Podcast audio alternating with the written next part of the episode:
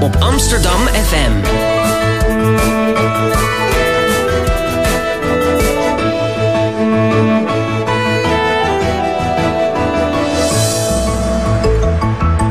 Radio Swammerdam. Eten, eten en nog eens eten. Hoe bepalen onze hongerige hersenen hoeveel we eten? En welke hormoonverstorende stoffen vergroten de kans op obesitas al voor je geboren bent? We gaan het vandaag hebben over obesitas. Welkom bij Radio Swammerdam, het wekelijkse wetenschapsprogramma van Amsterdam FM. Mijn naam is Eveline van Rijswijk en mede-presentatrice is vandaag Sterre ten Houten de Lange. Goedemorgen. Goedemorgen. Uh, vandaag de gast uh, aan mijn rechterzijde uh, Juliette Leekler. Hoogleraar toxicologie. Van haar zoon moesten vragen wat dat is. Aan het Instituut voor Milieuvraagstukken van, vraagstukken van de Vrije Amsterdam, Universiteit Amsterdam. Sorry. En uh, tegenover mij Richard IJzerman, internist endocrinoloog aan het VU Medisch Centrum. Uh, en we praten vandaag uh, dus over obesitas, maar eigenlijk ook over onze hormonen en over onze hersenen. En op welke manier dat allemaal flink verstoord kan worden. Um, en daar praten we over. Eerst een eerste vraag aan Juliette. Wat is toxicologie? Nou, goedemorgen. goedemorgen.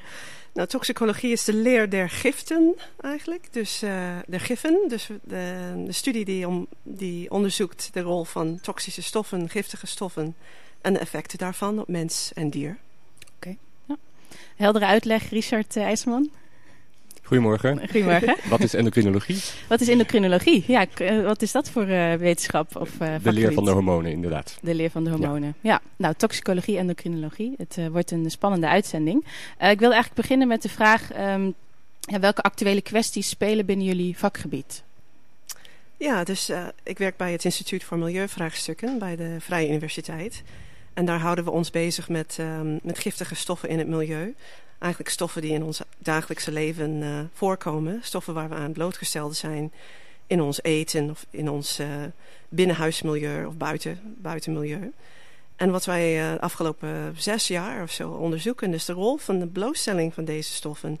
tijdens de ontwikkeling op het ontstaan van overgewicht, obesitas later in het leven. En daarvoor gebruiken we allerlei modellen. We kijken bij de mens, maar we kijken ook bij organismen in het laboratorium, mm, waaronder uh, visjes. Want de vroege levensstadia van een vis lijkt heel veel op die van een mens. En daarmee kunnen we uh, onderzoeken hoe deze stoffen, als de vis daaraan blootgesteld wordt, hoe die kunnen leiden tot, uh, tot overgewicht. En ons meest recente onderzoek laat zien dat bepaalde stoffen in ons dagelijkse leven, denk aan pesticiden in ons eten, maar ook uh, andere stoffen die we gebruiken om uh, te zorgen dat allerlei producten geen vlam vatten. Geen vlam vatten, dus bijvoorbeeld uh, vlamvertragers. Die dus ook kunnen leiden tot bijvoorbeeld in onze visjes die meer vetcellen aanmaken. Dus eigenlijk dikker worden. Dus dat is een heel spannend onderzoek bij ons. Eigenlijk vrij nieuw, want stel je voor... Het is niet alleen wat je eet en hoeveel je beweegt, maar eigenlijk ook... er zijn een aantal andere risicofactoren voor het ontstaan van obesitas die heel belangrijk zijn. Oké, bedankt. Uh, Richard, wat is de laatste stand van zaken qua onderzoek uh, binnen jouw vakgebied? Nou, het laatste is dat wij net vorige week in Amerika onze nieuwste resultaten hebben gepresenteerd. En die hebben ook heel veel aandacht gekregen in de media, in, in Nederland, maar ook in de Verenigde Staten. Omdat, omdat dat een soort begin is van de dieetpil. De effecten van een bepaald hormoon op de hersenreacties bij mensen. Waardoor je minder eet en minder honger hebt. En ja, dat, dat spreekt echt tot de verbeelding. Dat je, iedereen weet hoe moeilijk het is om je aan een dieet te houden. Bijna iedereen wil wel iets afvallen. En dat moet ook bijna iedereen, want de helft van de Nederlanders heeft overgewicht. Maar iedereen weet hoe moeilijk dat is. Maar het zou natuurlijk geweldig zijn als dat wat makkelijker zou worden. En dan zou er een, een, een hele grote stap gemaakt zijn. En dit is een begin daarvan, denk ik. Twee thema's waar we het vandaag uh, over gaan hebben. Um, en ik wilde eerst beginnen met, uh, met het onderzoek van uh, Juliette. Um, je hebt net al een kleine introductie gegeven uh, waar jullie onderzoek naar doen. Uh, het effect van die verontreinigende, uh, verontreinigde stoffen. Um, waar moet ik dan aan denken? Wat voor stoffen zijn dat? En, en waar zitten die in? Ja. Behalve het voorbeeld dat je gaf. Ja, dus wij werken met allerlei verschillende stoffen. Je moet je voorstellen dat er ja, duizenden stoffen op de markt zijn. die, het worden alleen maar meer. waarvan we niet allemaal weten wat de nadelige effecten kunnen zijn. Uh, de stoffen waarmee wij werken zijn naast de bestrijdingsmiddelen en de vlamvertragers werken we met stoffen, stoffen in plastics. Stoffen die, uh, die zelf worden gebruikt om plastics te maken, maar ook stoffen die worden toegevoegd aan plastics om een plastic een bepaalde vorm te geven of een bepaalde zachtheid Denk aan de weekmakers die plastic zacht maken. Ja, ja deze additieven aan plastic, plastics die zijn niet uh, heel erg stabiel. Die kunnen zeg maar loslaten en in ons eten en ons drinken terechtkomen. Maar dit gaat dan over dus uh, stoffen die ontwikkeld zijn voor, uh, voor producten die in de markt zijn. Dus het zijn chemische stoffen die toegevoegd worden om dus bijvoorbeeld de vlammen te vertragen. Ja, zeker. Ja, zeker. Dus geen natuurlijke stoffen? Waar nee, dat zijn geen natuurlijke stoffen. Dus wij onderzoeken dus door de mens gemaakte stoffen. En je moet denken aan, aan plastics uh, zitten er dus tussen de 10 en 60 procent additieven toegevoegd, waaronder vlamvertragers. Dus afgezien van nog plastic zit er ook nog allemaal andere stoffen Heel veel andere chemische verbindingen dan de plastic bepaalde eigenschap te geven. Er zijn er geen uh, regels over uh, hoe goed een stof getest is voordat het in producten verwerkt mag worden? Ja, er zijn wel degelijk regels. Uh, die regels zijn ook aangescherpt in de afgelopen tien jaar. Het is wel zo dat er zoveel stoffen zijn dat het eigenlijk uh, onbegonnen werk is om ze allemaal te testen. Dus heel veel stoffen zijn al op de markt zonder dat ze goed zijn getest. Nieuwe regels eisen dat industrie laat zien dat de stoffen niet uh, gevaarlijk zijn. Maar het is dus echt een soort van catch-up om uh, uh, voor de overheid, de Europese overheid, te bepalen of alle stoffen op zodanig goede manier zijn getest dat ze wel, da dat ze wel veilig zijn. En dus is het nou met het TTIP zo dat, het, uh, dat die stoffen minder goed getest gaan worden? met de wat? Met de TTIP, de handelsovereenkomst tussen de VS en Europa. Nou, er is inderdaad heel veel, heel veel controversie over, inderdaad. Want Europa heeft in 2006 een strenge regelgeving ingevoerd. Mm. REACH heet dat. Voor het reguleren en beoordelen van chemicaliën. On, ondertussen vinden de Verenigde Staten dat die regelgeving zo streng is... dat het eigenlijk nadelig is voor export mm. over de grenzen heen. Ja. Maar zover ik weet is het tot nu toe het geval dat Europa zegt... ja, de stoffen die we importeren moeten ook voldoen aan onze veiligheidsmaatregelen. Oké. Okay. En um, er zijn dus al die stoffen. Uh, hoe ziet je onderzoeken uit? Um, hoe kijk je van welke stoffen zijn er, welke effecten hebben die op, obesi uh, op mensen? Uh, hoe kan dat obesitas veroorzaken? Hoe, ja. Kun je daar wat over uitleggen? Ja, zeker. Nou ja, van die nou, ongeveer honderdduizend stoffen die op de markt zijn, is het moeilijk om een keuze te maken met welke je, je begint. Dit, deze hypothese dat blootstelling aan stoffen leidt tot obesitas is, is maar een jaar vijf of zes oud, zeg maar.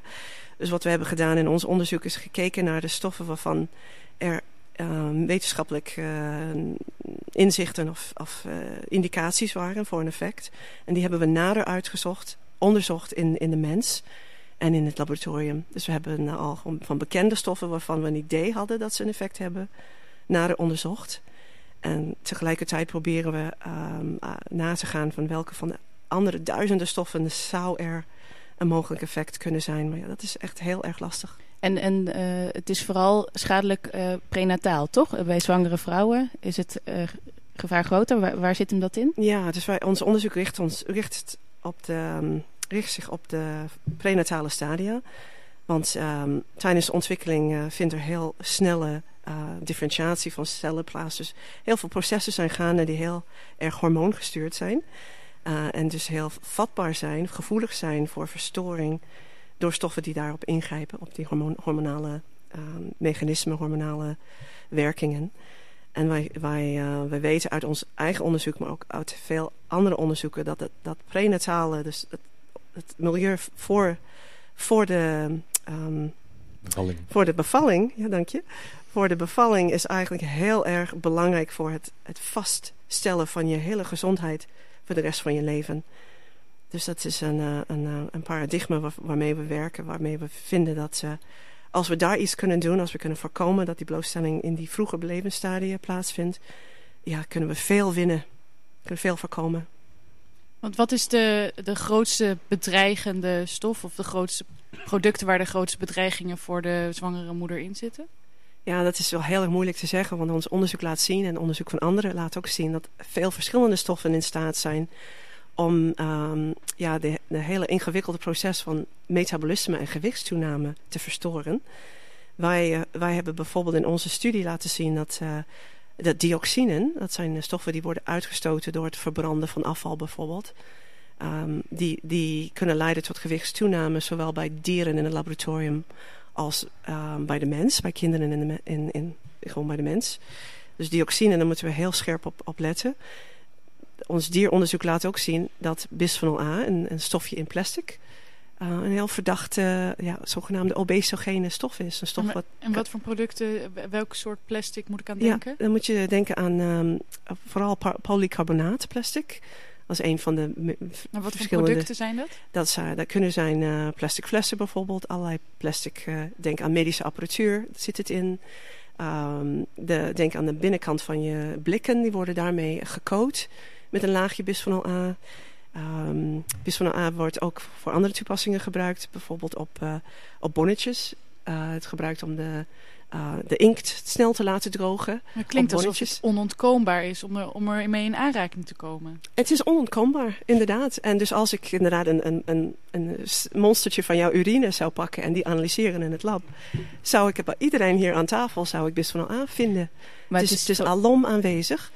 En, en uh, ja, we worden er zo mee, mee geconfronteerd ja. in ons dagelijkse leven. Maar het is vooral gevaarlijk voor de zwangere vrouw dan? Of is het eigenlijk ook in zo'n grote mate aanwezig dat het voor ons ook nog steeds gevaar oplevert en ook de kans op obesitas nog en andere ziektes zou vergroten? Ja. Nou ja, mijn, mijn onderzoek houdt zich vooral met het vroege levensstadia. Daar, daar kan ik met zekerheid zeggen dat we daar die blootstelling moeten voorkomen. Er zijn andere onderzoeken die zich bezighouden met bijvoorbeeld de, de effect van bisphenol A op de zwangere vrouw zelf. En die laten zien dat in, in proefdieren in het laboratorium de kans op uh, diabetes ontwikkelen veel hoger is bij die zwangere vrouw ook. Dus de, het gevaar is niet alleen voor de baby, maar ook voor, voor de vrouw zelf. Het is wel zo dat wij als volwassenen veel meer mechanismen, veel meer manieren hebben om een stof uit te scheiden of daarmee om te gaan. Dus over het algemeen is het voor een volwassene minder gevaarlijk dan voor zo'n zo'n vroege levensstadium. Ja. Je noemde diabetes, hè, obesitas. We focussen ons vandaag, vandaag voornamelijk op obesitas. Zijn er nog andere um, neurologische effecten of ziektes um, dankzij die stoffen? Ja, absoluut. Eigenlijk, uh, dus mijn eigen onderzoek houdt zich um, bezig met uh, obesitas. Maar veel toxicologen maken zich zorgen om, om de neurologische ontwikkeling van onze kinderen... door blootstelling aan, aan hormoonverstorende stoffen. En uh, we weten van bestrijdingsmiddelen dat die zijn eigenlijk gemaakt om, om insecten te doden bijvoorbeeld. En dat doen ze door op neurologische processen in te grijpen. Dus hier hebben we dus eigenlijk al voorbeelden van stoffen in het milieu die, die um, neurologische processen verstoren. Dus waar we dus eigenlijk een gevaar vinden bij, bij de mens ook, ook nog. Dus uh, ik, uh, ik onderzoek niet direct uh, de rol van de neurotoxische stoffen, maar ik denk dat dat misschien nog een grotere gevaar is waar we ons echt serieus rekening mee moeten houden. Je bent ook onderdeel van een Europees project, uh, waarbij uh, uit verschillende landen uh, nou ja, de effecten bekeken worden van al die stoffen. Ja. wat voor landen zitten in dat Europese project? En, en zie je duidelijke verschillen tussen landen, um, de, ja, de aanwezigheid van toxische stoffen ja. bijvoorbeeld? Ja, zeker. Dus we hebben een groot Europees onderzoek ehm, gecoördineerd, die is onlangs afgerond. En in dat onderzoek hebben zes landen meegedaan waaronder Nederland, België, um, Noorwegen uh, en uh, ook een land in, Oost-Europa. We hebben ook samengewerkt met veel meer landen in Europa om een goede beeld te krijgen van de blootstelling aan toxische stoffen in de navelstrengbloed van baby's. Dus dat is eigenlijk voor ons de, de beste matrix of de beste monster die we kunnen nemen om een idee te krijgen van waar is de baby tijdens de zwangerschap aan blootgesteld zie je dus door heel Europa uh, dat we deze stoffen waar we naar onderzoek hebben gedaan, dat die overal worden gevonden in navelstrengbloed. Dus het geeft aan dat de baby dus eigenlijk al bij de, bij de geboorte al uh, een soort van um, gecontamineerd is, als het ware.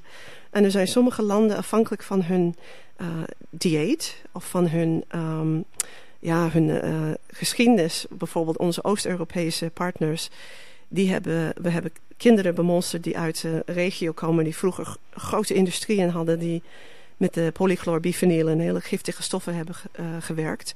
Dat is nu verboden. Dat is al uh, 20, 30 jaar verboden. Maar nog steeds vind je hoge getallen van die stoffen... in het navelstrengbloed van die baby's die daar zijn geboren. Dus daar zijn hoge getallen. Daarentegen um, in Noorwegen bijvoorbeeld, waar ze heel veel vis eten...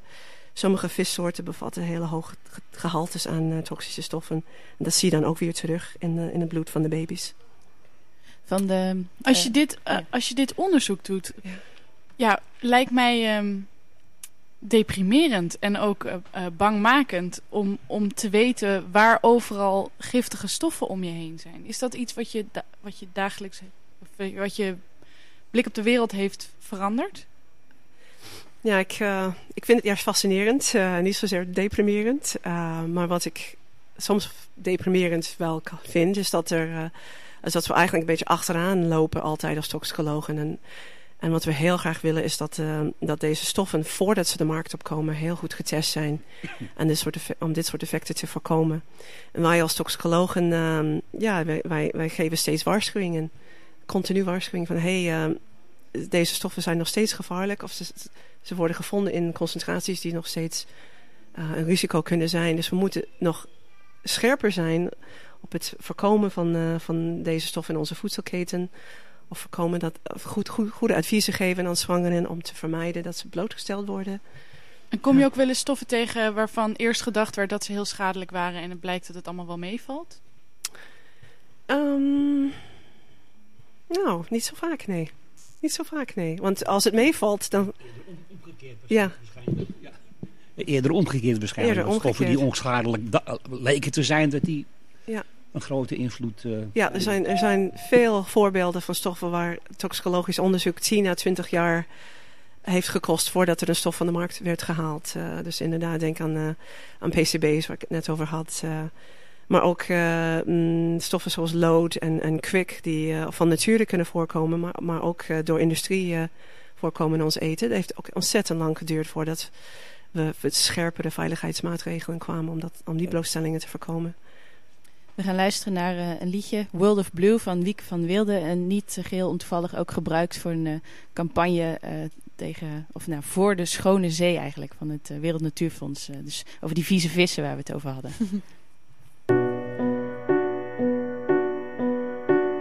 Hold your breath, hold on tight, hold on to the days of innocence. A tidal wave on its way, but I won't close my eyes in ignorance. All those colors inside of you, drowning in a world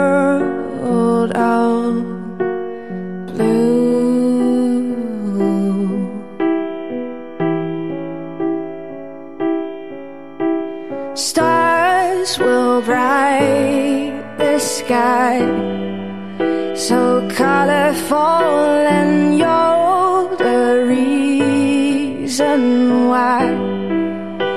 So don't you fall and drift away.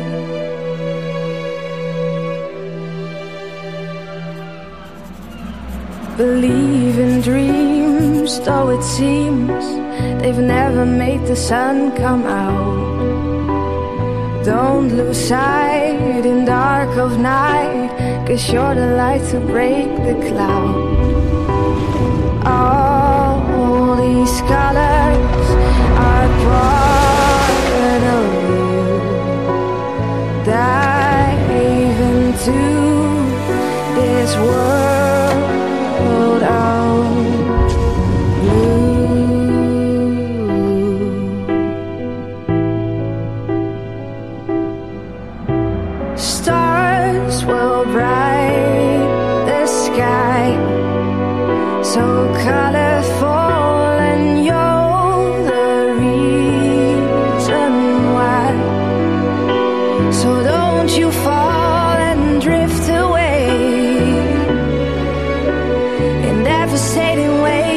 I'm sorry.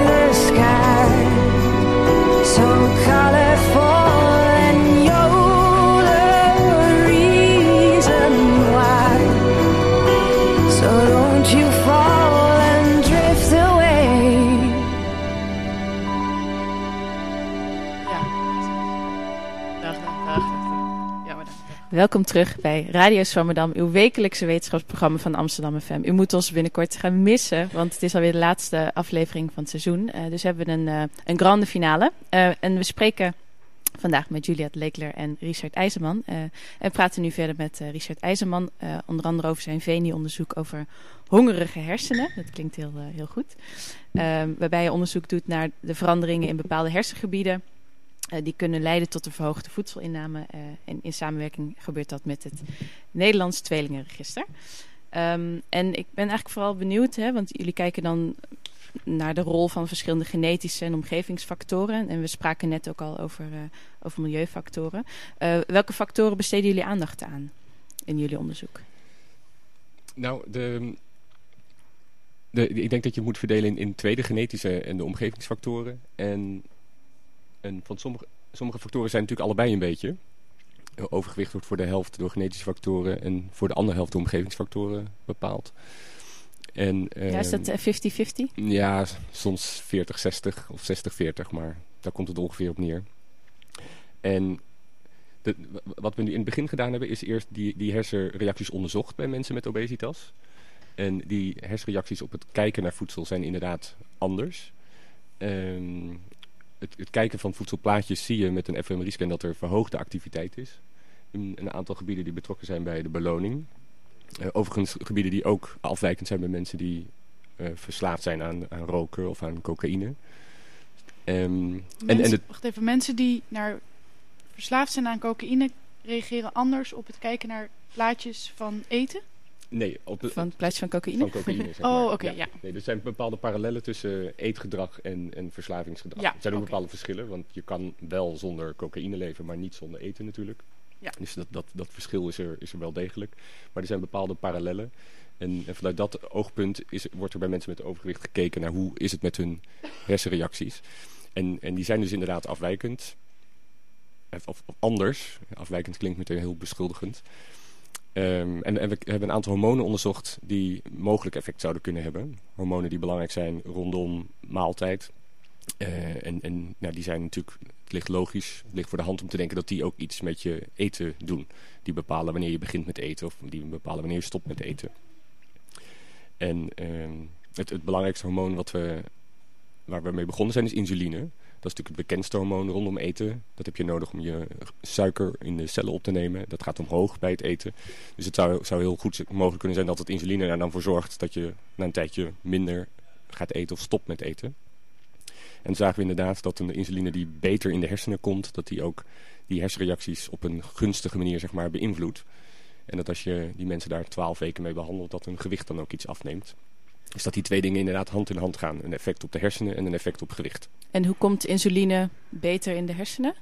Ja, daar hebben ze een vetzuurstaat zit aan die insuline vast. Mhm. Ehm, dat, dat is een, een, een ingewikkeld eh, begrip, maar dat, dat, dat maakt waarschijnlijk dat hij wat makkelijker door de bloed-hersenbarrière kan gaan en beter in de hersenen komt dan de gewone insuline.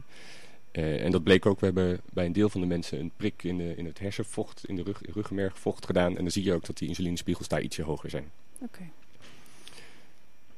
Waar, wat is eh, obesitas precies? Wanneer heb je obesitas? Ja, dat, dat, de Quintelet-index of de body mass index wordt daarvoor gebruikt. Dat is je gewicht gedeeld door je lengte in het kwadraat. En die is eh, zeg maar optimaal tussen de 20 en de 25.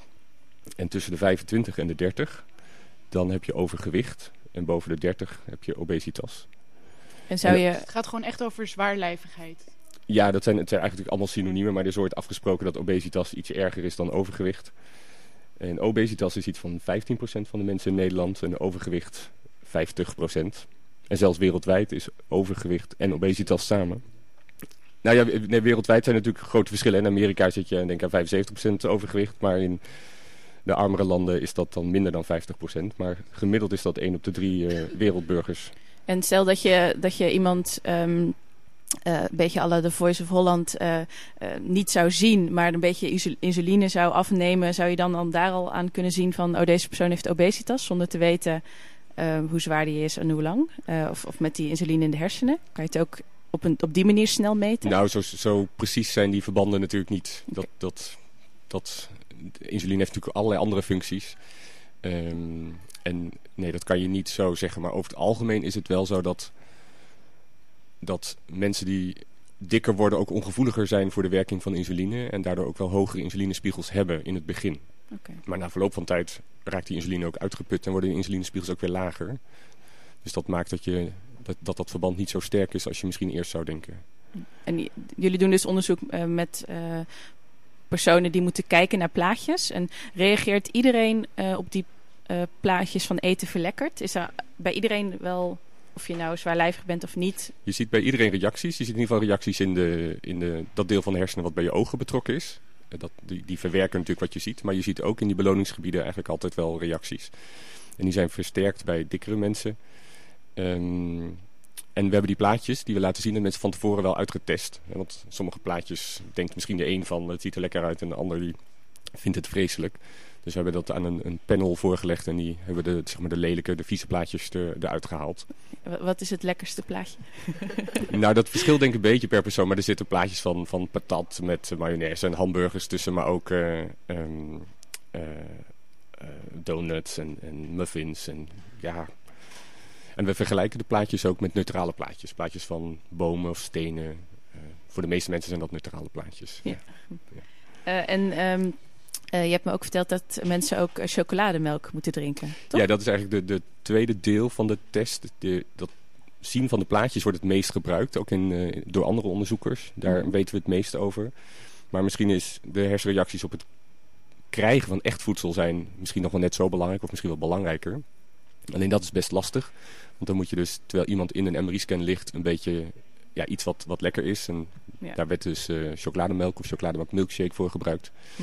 Moet je dat in de MRI-scan, eh, waar geen metaal in de buurt mag komen. Dus dat gaat dan met eh, hele lange slangen van een paar meter. Krijgen mensen een klein beetje chocolademelk in hun mond gedruppeld.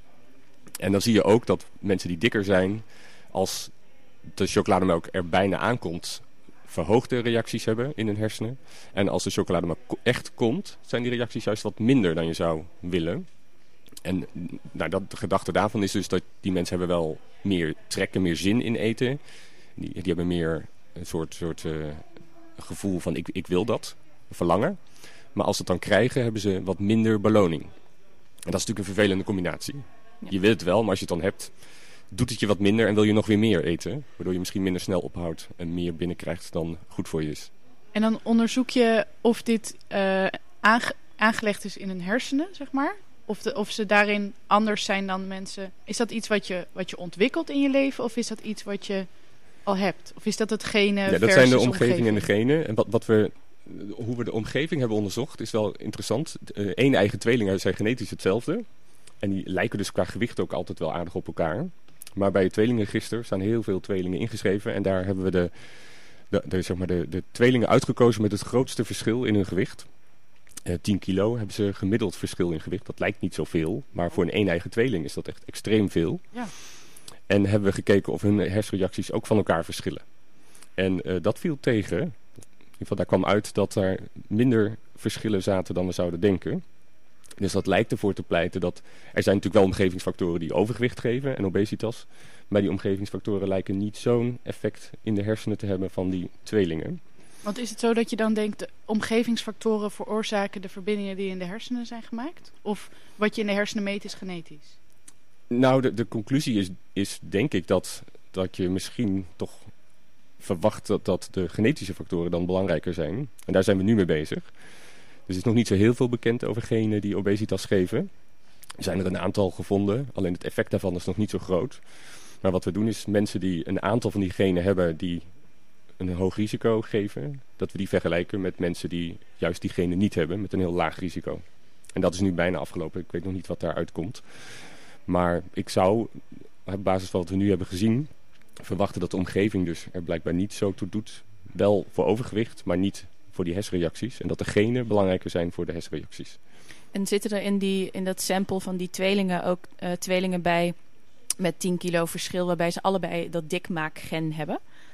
Dat je Ja, dan denkt, maak je oh, je verwacht weer- dat die andere ook... eh, Ja. Dat, dat, dat maakt het weer heel ingewikkeld. Ehm, want we hebben nu 15 van die tweelingen onderzocht. En een deel daarvan is inderdaad allebei een beetje dik en een deel is allebei een beetje dun. Ehm, maar we, wij richten ons vooral op de verschillen. Maar je zou nog weer onderscheid kunnen maken eh, tussen, tussen bepaalde groepen tweelingen. Maar daarvoor, als je natuurlijk 15 tweelingen in groepjes in gaat delen, dan krijg je hele kleine groepjes. Zijn dat wordt 15 lastig. Nederlandse tweelingen? Ja. Ja. Kunnen jullie Uit niet samenwerken? Ja, precies. Maar kunnen jullie niet samenwerken met Europa zodat je een grotere sample krijgt? Dat zou inderdaad, eh, er zijn niet zo heel veel grote tweeling, eh, tweelingregisters in de wereld. Australië, Engeland. Ehm, dus daar wordt ook wel mee samengewerkt om af en toe gegevens te combineren. En zeker ook voor dat genetisch onderzoek, dat gaat altijd wereldwijd met allerlei grote groepen eh, bevolkingsonderzoek. Stel nou dat je een, eh, een maagband krijgt. Je bent veel te dik, je krijgt een maagband. Ehm, wat verandert dat in eh, jouw hersenreactie op voedsel voor en na die maagbandoperatie? Is daar ooit onderzoek naar gedaan? Nou, een van de hormonen die wij hebben onderzocht is een darmhormoon, wat ook omhoog gaat als je eet. Dat hormoon is ook als eh, medicijn verder ontwikkeld, omdat het niet alleen op je gewicht werkt, maar ook op je alvleesklier en goed is voor diabetes, voor suikerziekte. En de, het opvallende is dat mensen die bariatrische chirurgie ondergaan, die dus een maagband krijgen of een, eh, eh, een maagverkleining of een darmomlegging, waardoor je afvalt, dat daar dat hormoon ook erg omhoog gaat. Eh, en er zijn zelfs mensen die zeggen dat die hele chirurgische operatie een ingewikkelde manier is om die hormonen te beïnvloeden die normaal door de darm gemaakt worden.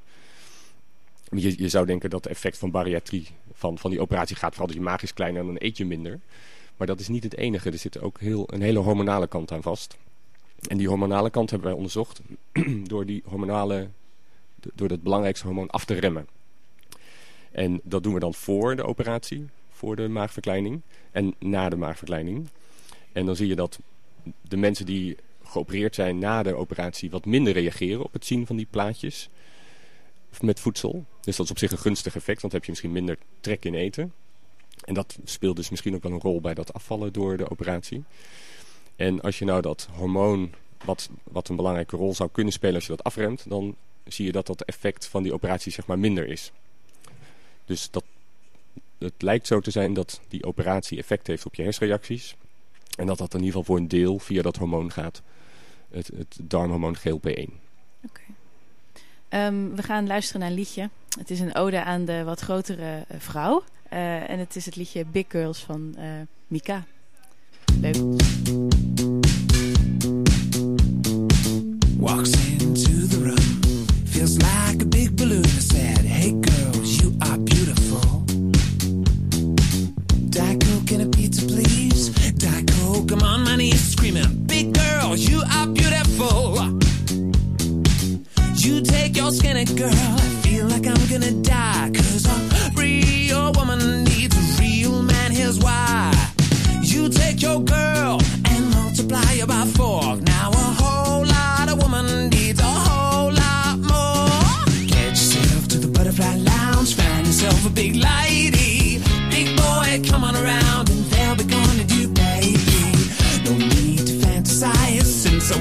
My braces. Water in a hole with the girls around and curves in all the right places. Big girls, you are beautiful.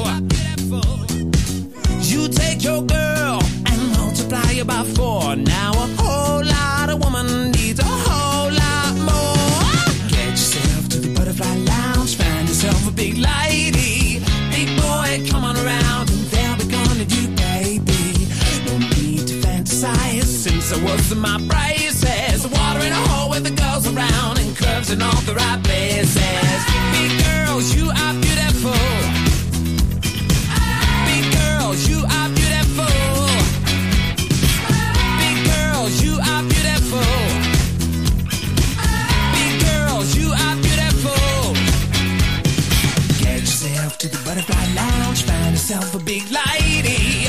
Big boy, come on around and they'll be calling you baby.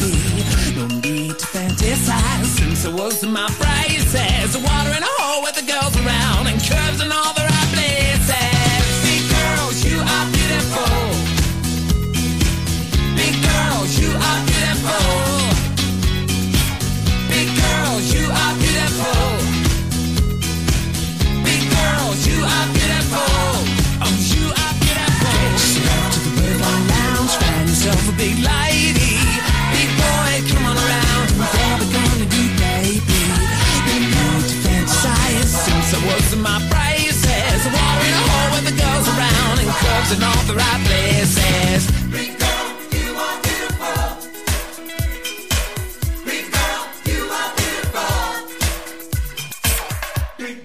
You are you are Je luistert nog steeds naar Radio Swammerdam, het wekelijkse wetenschapsprogramma van Amsterdam FM.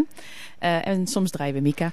Eh, en we gaan nu luisteren naar een column. Eh, en de column komt van niemand minder dan André Kloekhoen in deze laatste aflevering van het seizoen. Ehm, André, aan jou het woord. Ik was voornemens deze column voor de laatste uitzending van Zwammerdam dit seizoen geheel te wijden aan de gifstoffen die een gemiddelde burger in de Verenigde Staten gedurende een normale werkdag binnenkrijgt. Dus over wat iemand gedurende de nacht inademt aan kankerverwekkende broonverbindingen en formaldehyde dan waarmee matrassen verplicht brandvertragend moeten worden gemaakt. En de giftige styreneverbindingen die altijd in de vloerbedekking zijn opgenomen. En wat er bij het ochtendtoilet naar binnen komt met het mondwater dat al een hele tijd de weekmakers in de plastic plafond heeft staan uitlogen. En waarin vier actieve componenten en een half dozijn smaak- en kleurstoffen zitten. En waarvan het etiket dan ook terecht vermeldt, waarschuwing. Niet toedienen aan kinderen jonger dan 12. Niet doorslikken. Bij per ongeluk toch inslikken, medische hulp inroepen of contact opnemen met een vergiftigingscentrum. In plaats van mondwater tandpasta gebruiken helpt niet echt, want ook op dat etiket staat... Bij inslikken van een grotere hoeveelheid dan bedoeld voor het tandenpoetsen dient medische hulp te worden ingeroepen. In het deodorant voor de okselholten bevindt zich aluminium, parabenen en propyl, pro, propyleenglycol en met de toiletverfrisser wordt benzeenlucht opgesnoven. In de kunstvezels van het van chemisch gereinigde kleren bevindt zich trichloroethyleen en normaal hexaan, van welke stoffen bekend is dat ze op de duur hartafwijkingen, zenuwbeschadigingen en geheugenverlies kunnen veroorzaken. Samen met de uitwaseming van de lak op het ameublement, de muurverf, de tapijtreiniger en de vlamvertragers hangt er vanwege de voortreffelijke isolatie in iedere slaapkamer permanent een complex, complex mengsel van lichaamsvreemde stoffen waarvan de invloed van de losse componenten op de lichamelijke en geestelijke gezondheid door de wetenschap wel eens onderzocht. Hoofdpijn, stemmingswisselingen en concentratieproblemen. Maar het versterkende effect van de optelsom, de toxische synergie, nog in het geheel niet. En dan moet het ontbijt nog beginnen. De rest van de werkdag laten we kortgenshalve dus maar zitten en pakken we de draad weer op bij het boodschappen doen als voorbereiding op het avondmaal waarbij we voor het betreden van de supermarkt even aandacht besteden aan de tekst op het bordje dat op ooghoogte naast de ingang is aangebracht. Ook daar staat waarschuwing. De producten die in dit gebouw worden verkocht of gebruikt kunnen chemische stoffen bevatten waarvan bij de staat bekend is dat zij kanker, geboorteafwijking of andere schade in verband met voortplanting kunnen veroorzaken. Wat erbij opvalt is dat niemand van de vele klanten die de winkel betreden er enige aandacht aan besteedt. Terwijl standaard voedingsmiddelen als kip, kalkoen, kaas, boter en melk volgens recent onderzoek allemaal verontreinigd zijn met hetzelfde polybromeerde diphenylether dat ook als vlamvertragend middel in matrassen en tapijten wordt verwerkt.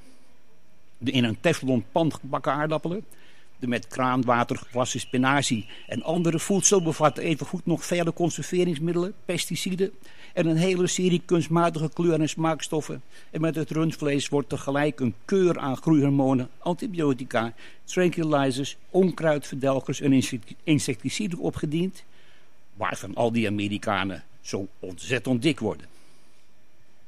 Alles bij elkaar vond ik dit toch een wat te pessimistisch einde van een heel seizoen doorgaans vrolijke uitzending in Zwammerdam.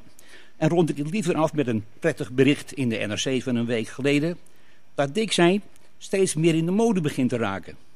Twinkies worden tegenwoordig uit de modebladen en van de catwalks geleerd.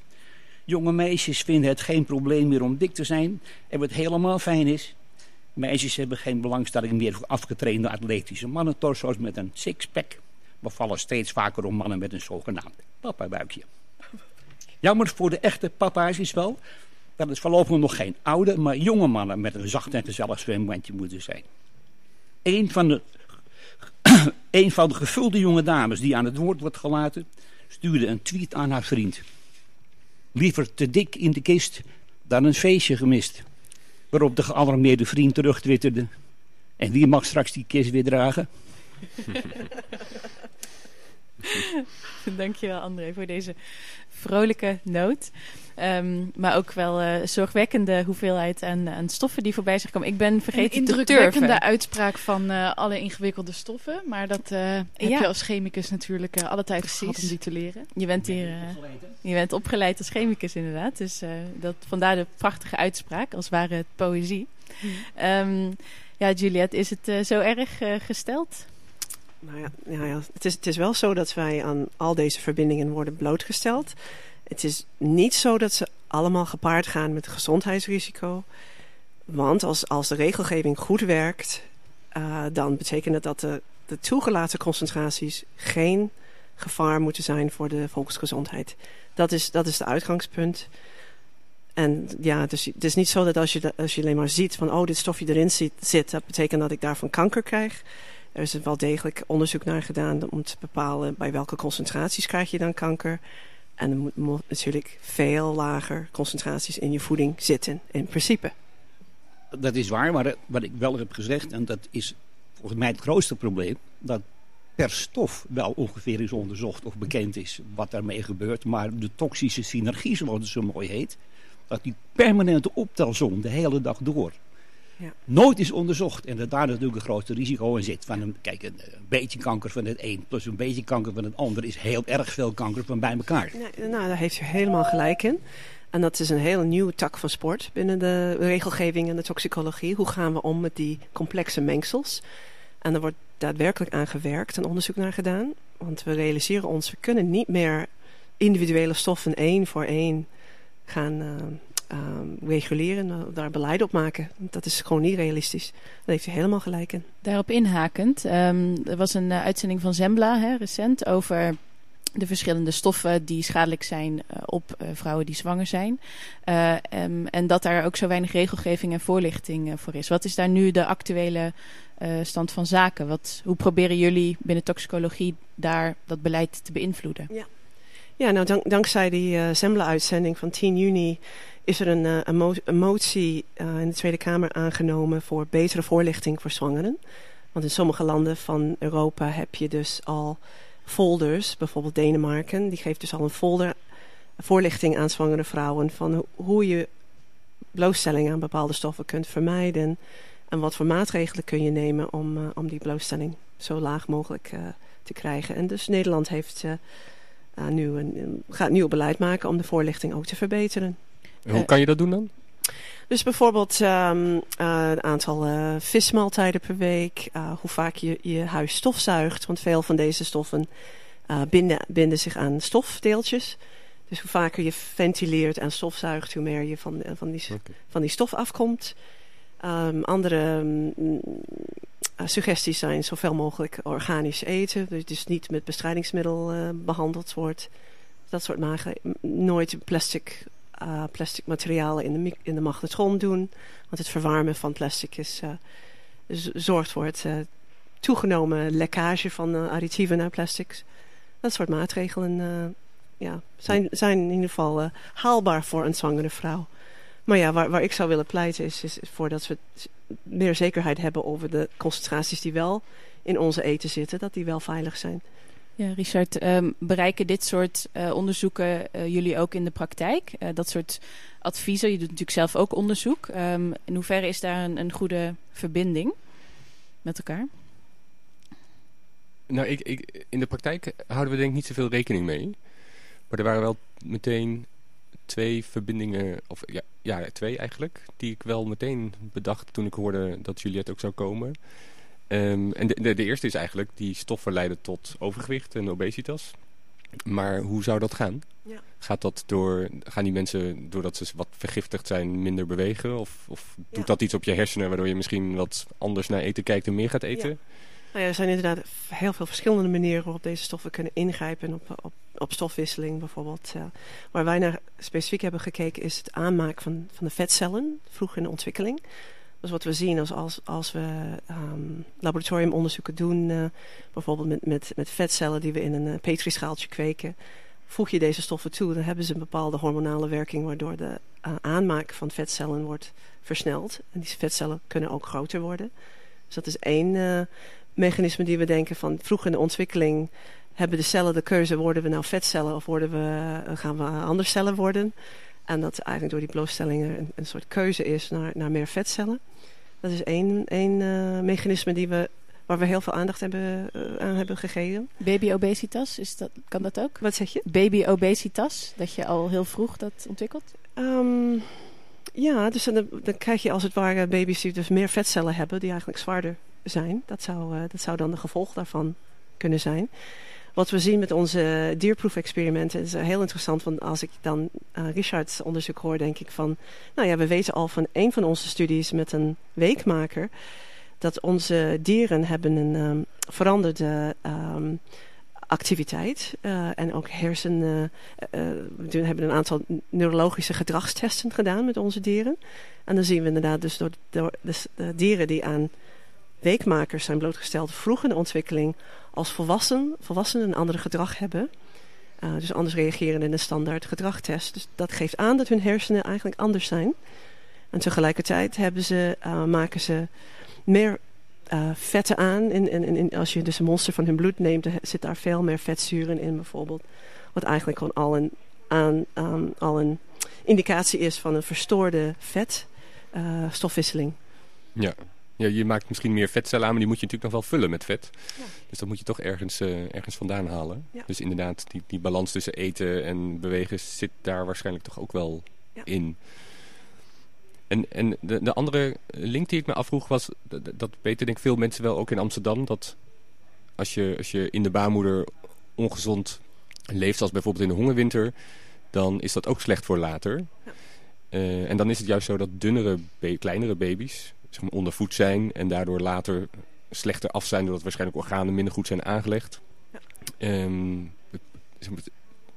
is die koppeling ook met, met giftige stoffen en geboortegewicht? Of ja, dat, denk je dat het los van elkaar gaat? Ja, nee, ik denk dat dat wel uh, samenhangt. Ik denk dat dat wel een hele goede parallel is uh, tussen uh, studies waarvan we weten dat als je um, weinig eten krijgt tijdens de zwangerschap en je lage geboortegewicht hebt, dat je later ook eigenlijk een hoger risico hebt op obesitas.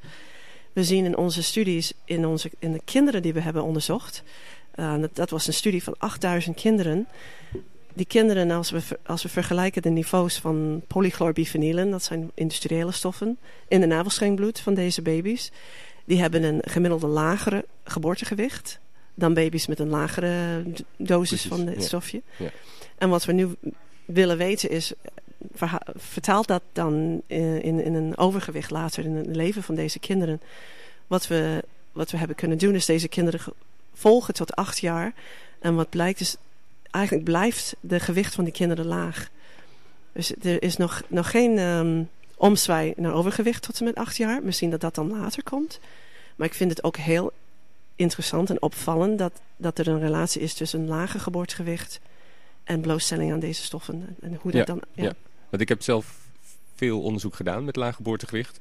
En er was altijd... En, en er waren allerlei verbanden gevonden met, over, met overgewicht een beetje, met diabetes, suikerziekte, met hoge bloeddruk, uh, slecht cholesterol. Uh, en dat is natuurlijk heel interessant, want er gebeurt iets in de baarmoeder waardoor iemand op zijn vijftigste een hogere bloeddruk heeft. Maar de vraag was altijd van wat is dat? Wat, ja. wat zit er in die baarmoeder? En, en wij dachten al dat het niet alleen voeding van de moeder kon zijn. Want ook toen deden we al met tweelingen. Uh, die hebben natuurlijk dezelfde moeder. Die, die hetzelfde eet ja. in, de, in de zwangerschap. En dan zie je dat binnen de tweeling degene met het laagste gewicht bij de geboorte... ook de meeste kans op een hogere bloeddruk en uh, op suikerziekte heeft. Ja. Dus het, het, moet, het moet toch zeg maar, iets zijn wat binnen die moeder ook verschilt tussen de ene en de andere baby.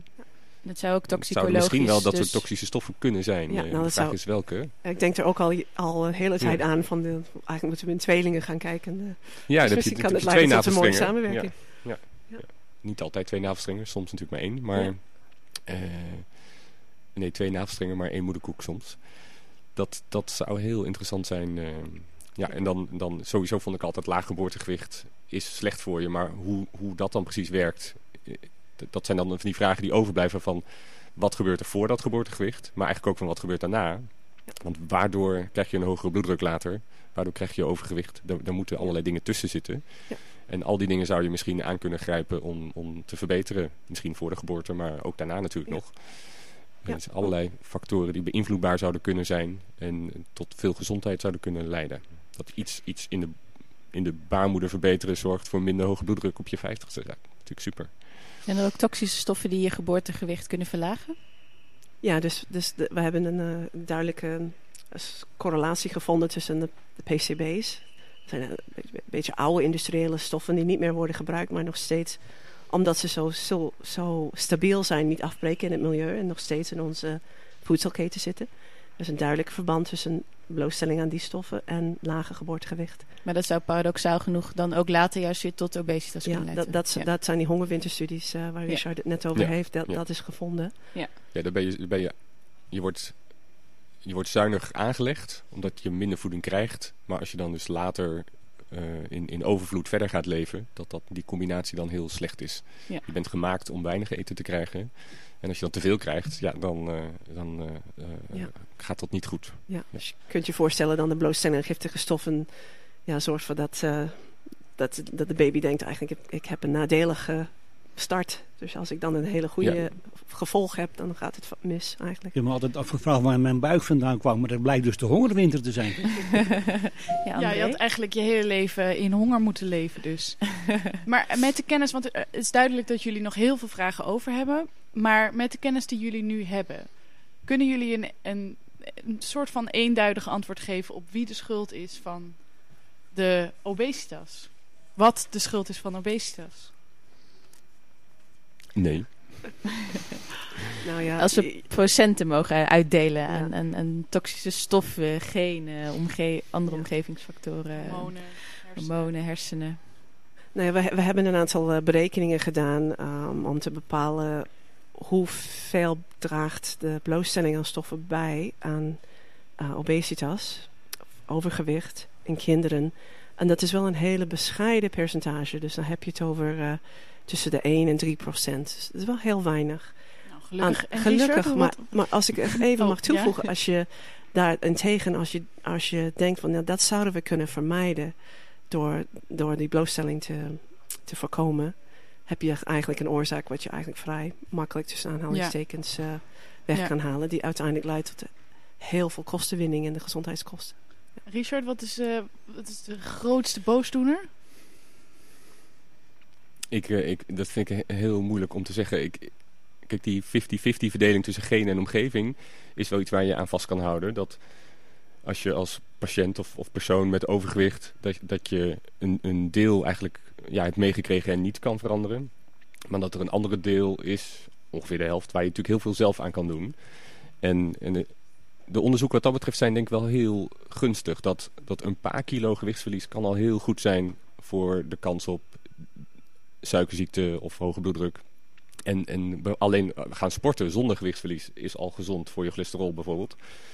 Dus ik denk wel dat, dat, dat je je daar in ieder geval aan vast kan houden. Dat hoe het ook komt, er is nog heel veel wat je zelf kan verbeteren, eh, gelukkig. Een pil voor wilskracht, dat moeten we eigenlijk hebben. Dat, dat zou een, een ondersteuning zijn, ja.